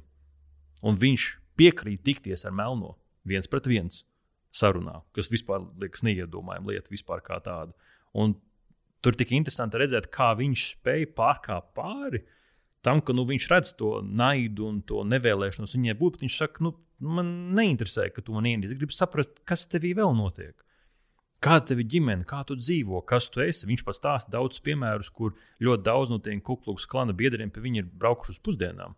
Tad, tas, ja mēs runājam par to, kad, kā es varu izveidot attiecības ar cilvēku, kurš jau ir manā dzīvē, piemēram, mans partneris vai mana draudzene, ja, ar kuru kādu laiku mēs esam draudzējušies. Un man reizēm cilvēks saka, tas ir neiespējami. Ja? Viņš tāds cilvēks, tas ir neiespējami. Ja mēs paņemam, nu, reku, melnais un kukluks klants. Un viņam uzdāvināja beigās kostīmus. Nu, no tā, tāpēc, kad viņš vēlējās saprast to cilvēku, tad, tad tas daudz kas ir iespējams. Nē, protams, šī gadījumā tādu ne, ne, ne skepsi, bet tādu vieglu eh, pietātam jāpieiet, jo tikpat labi es saprotu, ka kukluks klanā plus mīnus izprotot. Man izprotot, kā šie cilvēki funkcionē, viņš tikpat labi varēja trāpīties uz neveselāku individu, kurš viņam nodarītu pāri. Mm -hmm. Risks pastāv. Protams, nu, jā, bet, tāds. ja mēs runājam par mūsu draugiem, nu, tas bet ja mēs runājam vairāk par konceptu, par šo par to pašu, tāpat par to, ko viņš izdarīja, par iepazīšanu. Ļoti daudz, piemēram, kas man atnāk, pacienti, viņi nezina savas otras puses. Mm. Viņi nezina, kas viņiem ir noticis. Jā, ar daļu jūs varbūt nekad neuzzināsiet. Pat ja jūs sirsnīgi jautāsiet, otrs cilvēks negribēs stāstīt, jo viņam vai viņai tas būs pārāk sāpīgi, nepatīkami, privāti, kaunpilni, un viņi negribēs ar to nekad dalīties. Un tad jautājums, vai mēs spējam to pieņemt? Kad ir šis cilvēks blakus tāds, kāds viņš ir. Kaut ko biki pamaina, kaut ko nē, bet es varbūt uzzināšu kaut ko vairāk par viņu, nezinu, desmit gadu griezumā. Reku, ekstraverts, IT un skatās uz kurpēm. Ja viņš vienu brīdi beigs skatīties man kurpēt, patīsies uz manām acīm, tas jau būs sasniegums. Bet, ja tu gaidi, ka viņš tagad atklās savus dziļākās dvēseles nostūrus un dalīsies, tu to nesagaidīsi. Mm. Tas nav iespējams. Bet skaties, Artur, tad lai šī komunikācija varētu izdoties, lai mums ir tāda forša kopā būšana, tādas sirsnīgas attiecības, ja viņu gadījumā pagaidām nav. Viena lieta ir, ir ļoti svarīga, ka es jautāju, ka es cenšos saprast. Otra lieta ir, vai es arī pēc tam varu uzklausīt tā, ka Protams. otrs cilvēks nenožēlo, ka viņš man ir sācis stāstīt. Jo, ja piemēram, uh, es, es, es pieņemsim, nu, tā kā pajautāju, nu, klausies, nu, kaut kāda problēma man ir, nu, ka tu man tur sen neesi zvanījis. Ja? Mm -hmm. Un tu man sāci stāstīt, un gandrīz izņemot, man saka, nē, tu ko piedod, Lauriņ, lūdzu, piedod. Ja? Tas būtu būt laba atbilde. Ja? Bet, ja tu man tagad stāsti, nē, nu, zini, kā ir. Nu, pagājušo reizi tu tur nu, tu pateici tā, vai ne, vai arī es pamanīju, tur, ka, tad, kad es tev kaut ko tur uh, tiekamies, tad tu, tu reaģēji tur tā un tā. Un es pilnīgi uzvelkos. It kā tev pats pajautāja, bet tajā pašā laikā tu, tu man centies atbildēt, bet tu jau redzi, ja, ka man tā lēnām iet ciet, ja, ka tur jau tās, tās, tā saule aizvelkās aiz ļoti lieliem mākoņiem. Ja. Un tad, neskatoties uz, nav jau lieta par to, vai es tikai uzdodu jautājumu. Pirmkārt, tas ir super, ka mēs uzdodam jautājumu, mm -hmm. bet otra lieta ir, kādam tad mums ir jāmāk būt, lai tas otrs cilvēks gribētu no sirds atklāties. Jo, iedomājieties, tagad tas, nu, tas, tas džez, džez, džez, džeza mūziķis prasa kukluks klāna tiem cilvēkiem, ja? un viņi tur stāsta briesmīgas lietas sākumā. Bet viņš māca ar to savu klausīšanos, acīm redzot, radīt atmosfēru, kur viņš spēja dzirdēt arī tālāk. Protams, jā, un tur bija pāris sarunas, kur viņš stāstīja, kur tas, šo piemēru, ko es tagad teikšu, tas nav jāuztver, ka uzreiz jāmet pretī kaut kāds piemērs. Ir, bet, teiksim, viņš stāstīja piemēru, ka viņš brauca vienu no ne gluži līderiem, bet vienu no dalībniekiem vienkārši brauc. Sākumā tas beigais klusums mašīnā. Vienā brīdī viņš, protams, savu klasisko sāka teikt, ka Kulkūks klanēts un vispār jūs tur melniet, tur esat tur netīri un jūs apmēram tur milzīgs noziedzīgu risks un jūs cietumā sēžat. Tas vien ir pierādījums, jūs esat tādi. Un šitā viņš sāk klārēt viņam. Un Darēls tajā brīdī arī saka, ka, nu, tu, jā, tev ir taisnība. Daudz melnie sēž cietumā, jau daudz nepamatot apsūdzēti, gana daudz tiešām ir izdarījuši noziegumus. Bet man te jautājums ir, kādēļ, tavuprāt, nu, tev ir taisnība, ka mēs esam tādi, šitādi, bet nosauc man kaut ne, ne, vienu, viņš teica, ne, nosauc man trīs melnos ASV sēriju veids slepkavus. Tāda nav. Mm. Un tad viņš tā kā tādu kā, bet ko viņš saka? Nu, un viņš saka savu, viņš ir inteliģents cilvēks. Viņš saka, bet Baltija ir vairāk. Tad pastāst man, lūdzu, kur, kur tad mēs esam tik atšķirīgi? Jūs taisat sēriju veids lakavus, mēs taisām gang shootingus, mēs braucam garām un drive-bys taisam. Kur mēs esam tik atšķirīgi? Jā, katrs savā veidā, Bet nu, tādā veidā nevis tas ir apmēram rekos iebāzts tev sejā, bet tas, ka, hei, es zinu kaut ko arī par tevi arī taviem tumšākiem nostūriem. Es zinu par tavām kaut kādām problēmām, es zinu tavas stiprās puses. Bet tas nav domāts ar tādu, ka es tev tagad nolikšu pie vietas. Tas ir vairāk Nē. domāts ar tādu, es saprotu, ka tu vari šādi domāt par mani. Reku ir arī veids, kādā es varētu domāt par tevi. Exactly. Bet es tā. es tā nedomāju par tevi. Pat ja man it kā būtu līdzīgi pierādījumi uz otru pusi. Nu, jā. Un tas, tas, um, tas, manuprāt, labākais, ko viņš parāda, ko Derils, ja es pareizi viņu tagad tā saucu, ko viņš parāda, ir, ka pat pie tik nepatīkamām sarunām turpina eksistēt attiecības. Es nesaku to šobrīd, ka nezinu, jums jābūt attiecībās, kur kāds jums visu laiku nezinu, uz galvas liek virsū. Ja? Nu, nevajag. Ja tas iet vienos vārtos un jums tikai dara pāri un pārmet, tad varbūt šajās attiecībās arī nav jēga būt. vairs neko jautāt. Jā, varbūt nav pietiek. jājautā, varbūt ir jāiet tiešām prom. Šis ir piemērs, mm. ka tas ir jāizbeidz.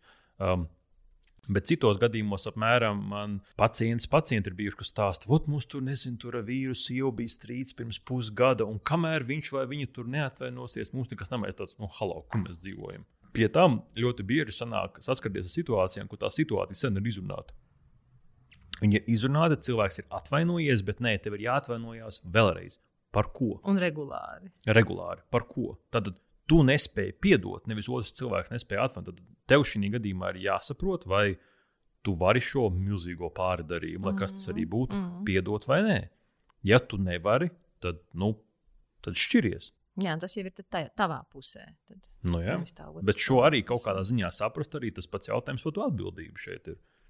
Vai mēs turpinām visu laiku zāģēt otru, lai viņš mainās, parāda, ka mīl, parāda, ka esmu svarīgs, svarīga, pieņem, saprot, vai mēģina saskatīt tajā, ko viņš tur dara.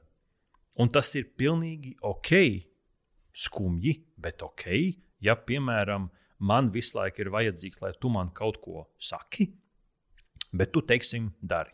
Ja? Tu nesen nedari tu tā grāmatu par visām lietām. Jā, mans vīrs tāds cilvēks. Val viņš valodām. nomazgā traukus, viņš pieskata bērnus. Ne, piemēram, jā. Un tad šī gadījumā viens virziens, kur iet, ir mēģināt saskatīt šo viņa nezinu, mīlestības valodu, viņa veidu, kā viņš izrāda rūpes, kaut ko vienalga, saucam to, kā gribam.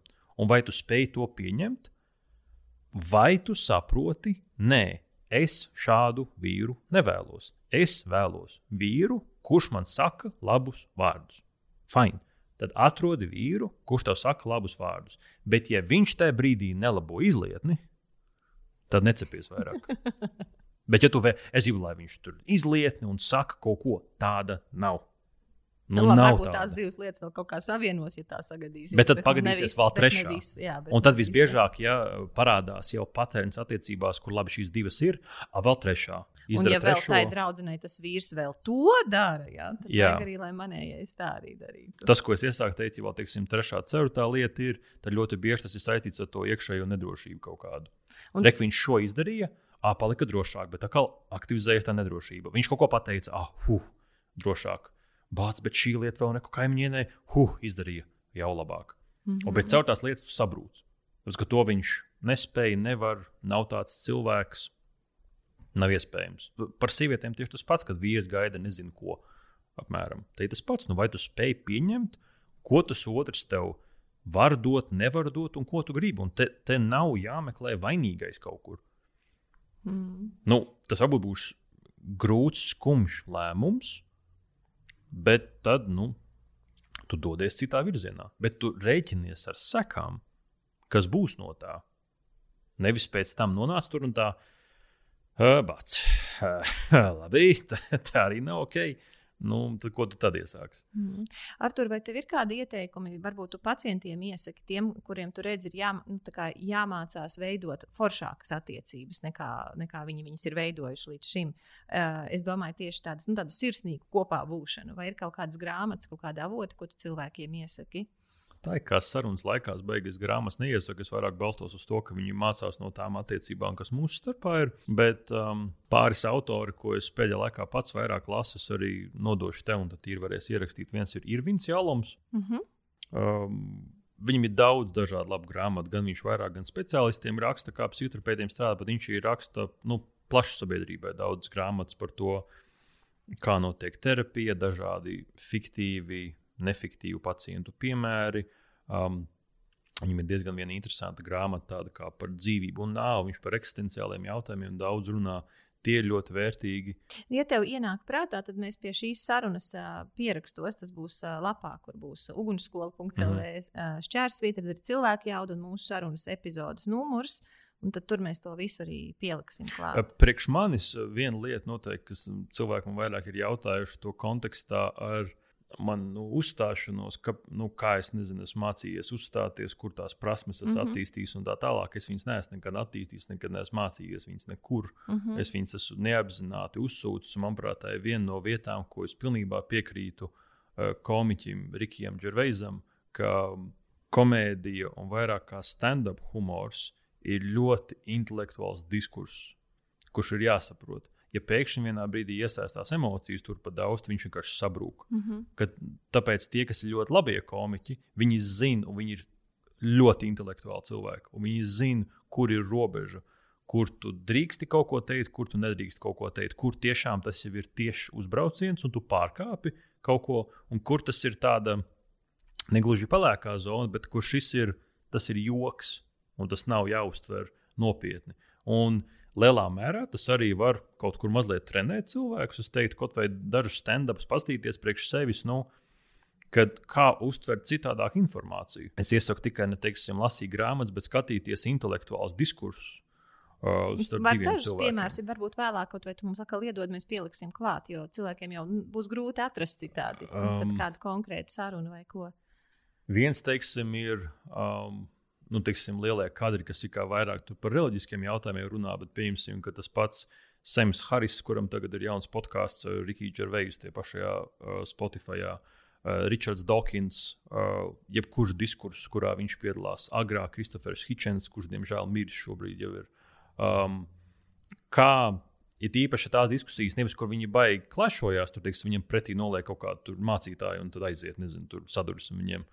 Um, bet, teiksim, kur viņi savstarpēji runājās ar citu zinātnieku, ar citu biologu, ar, citu, ar filozofu, teiksim, kaut kādu. Un viņiem ir atšķirīgi viedokļi pilnībā par konkrētu, īpaši Dawkinsam, neatceros, kur tieši zinātnē, bet viņi bija atšķirīgi viedokļi par evolūcijas un bioloģijas principiem. Mm -hmm. Bet viņi tāpat spēja atrast kopēju valodu. Ok, šeit mēs piekrītam viens otram, bet šeit mums ir atšķirīgas domas. Un tad Jā. abi izsaka, hei, Jā. kā tas kur ir. Jā.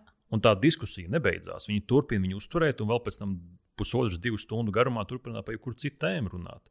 Tāpēc, ka viņu mērķis nav piedabūt otru, uh, lai tu man kaut kur piekrīti. Un tas iemesls, kāpēc tu to piedāvā cilvēkiem, ir, jo tā ir iespēja mācīties no piemēra, nevis teorija. Tev būs darīt tā un tā, bet tā kā, Tieši tā. No, noskatīties, noklausīties un paskatīties, ko es no tā varu pārnest uz savu dzīvi. Un tieši ļoti daudz teiksim, šie zinātnieki, ko es skatos, viens ir, protams, es uzņemu tīri teorētisko informāciju, mm. ko viņi stāsta, bet otrs ir viņu spēju šajā brīdī nu, saglabāt mieru.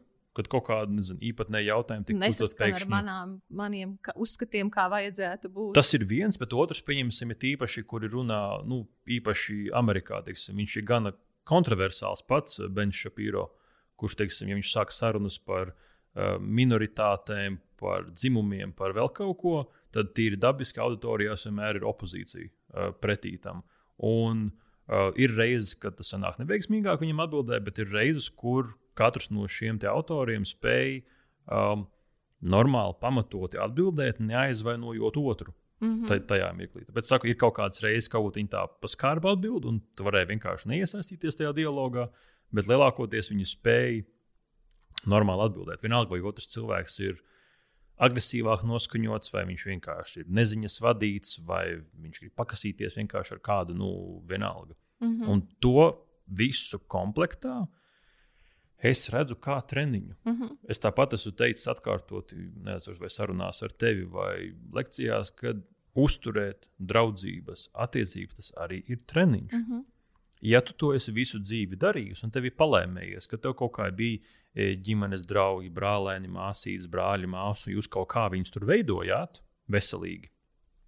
Tad visticamāk, tā baigo problēma nebūs. Jā, nu manā gadījumā bija tā, man bija, man bija man liela ģimene no vienas puses, ir, un vienkārši tur, paziņ, nu, tur vienkārši vai nu tu meklēsi pēc vārda kabatā, tu vienkārši nogrims. Nu, tev bija jātrenējās runāt. Nu, redz, līdz ar to tā vide kā tāda lika tev kaut ko iemācīties. Mm. Ja tomēr tas cilvēks nāk no tādas netik foršākās vidas, kur viņa tika bieži uh, rāti, sodīti, kaunināti, atstāti, un viņš, diemžēl, vai viņa, diemžēl, adaptējoties videi, pielāgojās nerunāt mm -hmm. ne ar vienu. Tas iespējams, kā es vienmēr saku, forši strādāt, kad jums bija 5, jums mm -hmm. bija 10 un 15. Šobrīd, acīm redzot, ka jums ir 30 vai 40, tas vairs nestrādā. Tad, diemžēl, jums šobrīd, savos 30, ir jāsāk mācīties braukt ar riteni. Tas ir daudz grūtāk nekā iemācīties trijos gados. Tev ir bail, tu kritīs, sāpēs, tev koordinācija tik labi nestrādā ir grūti. Ar sarunām tas pats ir. Pirmās reizes būs kaut kā neveikli, dīvaini, nesanāks kaut kas. Tad šajos brīžos neiestrēgt tajā lūpā, kad tu sāc analizēt to, kā tu tikko runāji. Jā. Viena lieta, ko es esmu pamanījis, ka, teiksim, es, protams, ja es sāku pārāk kritiski sev vērtēt, tas notiek. Bet, ja es, teiksim, esmu sarunā šobrīd ar tevi, es esmu kaut kādā lekcijā, es praktiski godīgi varu teikt, es nedomāju par to, kā precīzi es noformulēju iepriekšējo teikumu, kā es tagad kaut ko formulēšu, vai kāda ir mana ķermeņa valoda stāvot. Es daru to, ko es daru Mm -hmm. tajā brīdī. Kādreiz veiksmīgāk, kādreiz Tu esi klātesošs reālajā situācijā. Jā. Nevis tu domā par kaut ko citu. Tas, ka pēc tam, ja es teiksim, noklausos vēlreiz Jā. Kaut kādu sarunu vai lekciju, tur es varu pamanīt, ka bācis šeit varēja korektāk, te kaut kā es varbūt aizstostījos. Un tad tu Mhm. sāc pārāk pāranalizēt mm -hmm. to visu. Tas viens, ko cilvēkiem noteikti iesaka, ir netik daudz fokusēties. Tas tāpat var automātiski notikt, ja tā jūs esat raduši dzīvot arī citos dzīves apstākļos. Bet vismaz apzināti, ja tu sēdi apmēram un sāc, ah, pats, ko es tagad teicu, kaut ko, tad kaut vai sev tā, tā stop, pauzīte, Laura. Mm. -hmm. Tā. Es tagad runāju ar tevi. Ja nu kaut vai kaut kā mēģināt šo bikīti korģēt, pretējā gadījumā mēs tik ļoti iespringstam, kas šeit tagad, kur kā es pareizi sēžu, stāvu, kā uzstājos, un nav autentiskuma vairāk tajā brīdī. No vienas puses, es piekrītu, ka ir ļoti forši šie te kaut kādi treniņi, vai tu uzstājies vai runā kādu, kas ir nu, tips un triks, ko tu vari darīt Jā.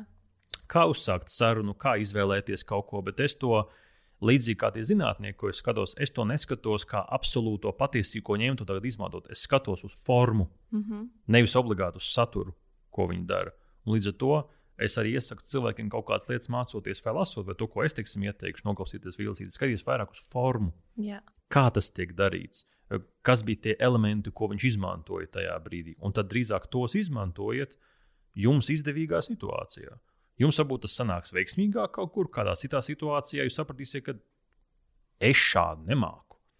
Tad lieki sevi nešaustīt, ka reku vot man kā tur mm, Laurai vai Arturam vai nezinu, tur Pēterim nesanāca. Mm. Tev sanāks tā, kā tev sanāks. Tu esi citādāks. Tad, tad skatīties gan tos piemērus, ko tu pieminēji, gan arī paskatīties tīri dzīvē, kur es zinu cilvēkus, kas māca veidot attiecības, kas māca radīt šo atmosfēru, kā ar viņu kopā ir forša kopā būšana, ka ar viņu kopā ir forša Jā, sarunas. un vienlaicīgi tam visam pa virsmu nešaustīt sevi, Ja ja, man man, ir tā. citādāk, mm. -hmm. kā tas, ko es noklausījos, vai tas piemērs, ko es redzu. Mm. Manas attiecības ir pilnīgi citādākas. Mans draugu lokus, manas privātās attiecības ir citādākas. No, okay.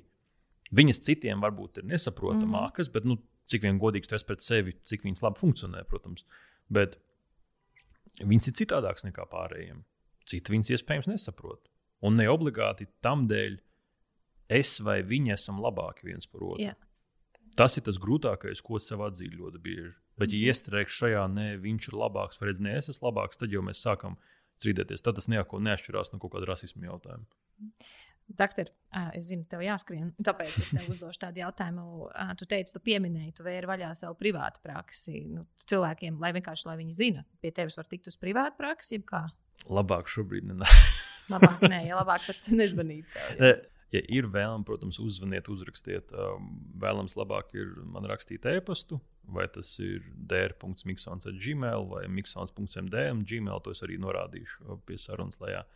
Uh, bet lūdzu, um, drīzāk uh, neizmantot mani kā centrāli. Nu, teiksim, pie kura speciālista vērsties, kur doties. Tur, ja nepieciešams, arī caur tavu podkāstu, es varu norādīt pāris mājaslapas, Norādi, kur, jā, pieliksim uzreiz klāt. Jā. kur teiksim, uzreiz labāk zvanīt, mm. -hmm. doties, lai pie kāda speciālista tiktu. Ja tiešām esat nezinu, nolēmuši, ka vēlaties tieši pie manis, jā, jā. Jārēķinās ar cik ilgu laiku apmēram. Atkarīgs no situācijas. Šobrīd es mazliet citādāk lietām pieeju, kad uh, es, protams, izvērtēju arī paša pacienta nepieciešamību. Um, Es zinu, daži to uzskatīs, ka tas var būt kaut kā tā netaisnīgi un dīvaini, ir, bet es cenšos arī tomēr pieiet tam medicīniski. Mm Mm. -hmm. Līdzīgi kā notiek sortēšana slimnīcās, uzņemšanas nodaļā, es daru tieši to pašu. Mm -hmm. Ja, teiksim, ā, man piezem pacients, kurš vienkārši grib saprast sevi, savas attiecības, izdomāt, kur kas kā, nu, tuvāko mēnesi, divus man nav akūti viņš jāpieņem. Es varu tikpat labi pateikt, ka pēc četriem mēnešiem mēs tiekamies, un tad līdz tam visticamāk jums dzīve nesagrūs. Bet, ja man burtiski pirms kaut kāda pusgada, teiksim, tā bija, kad man piezvanīja viena sieviete, tā saka, nu, man tā kā vajadzētu viena vizija, saka, kas noticis. Ir, nu, es nezinu, vai man tā kā vajadzētu, nu, man tā kā pirms, nu, nu pirms diviem mēnešiem es zaudēju bērniņu. Tāds, blin. Nu, šī tas nav atliekams uz četriem mēnešiem. Tā ir akūta krīze, kura tagad ir vēlams jārisina. Labi, ka viņi vismaz līdz manim nonāca.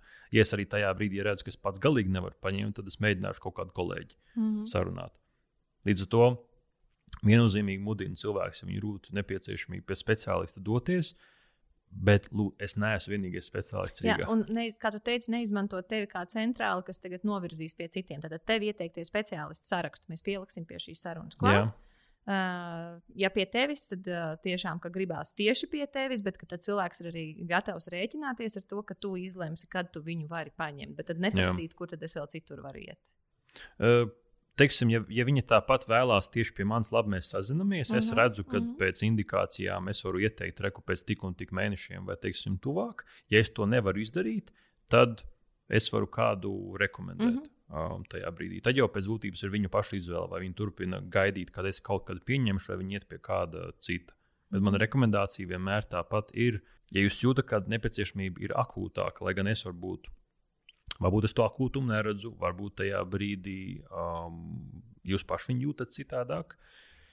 Nesēdēt un negaidīt, ka es gribu tieši to doktoru, bet labāk iet pie kāda doktora. Mm. Mm -hmm. Tas ir tieši tāpat kā salīdzināt nezinu, ar zobu sāpēm.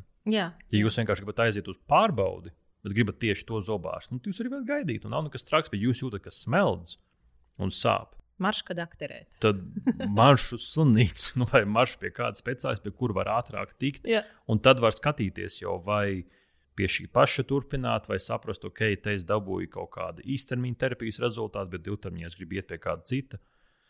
Tad jau var skatīties.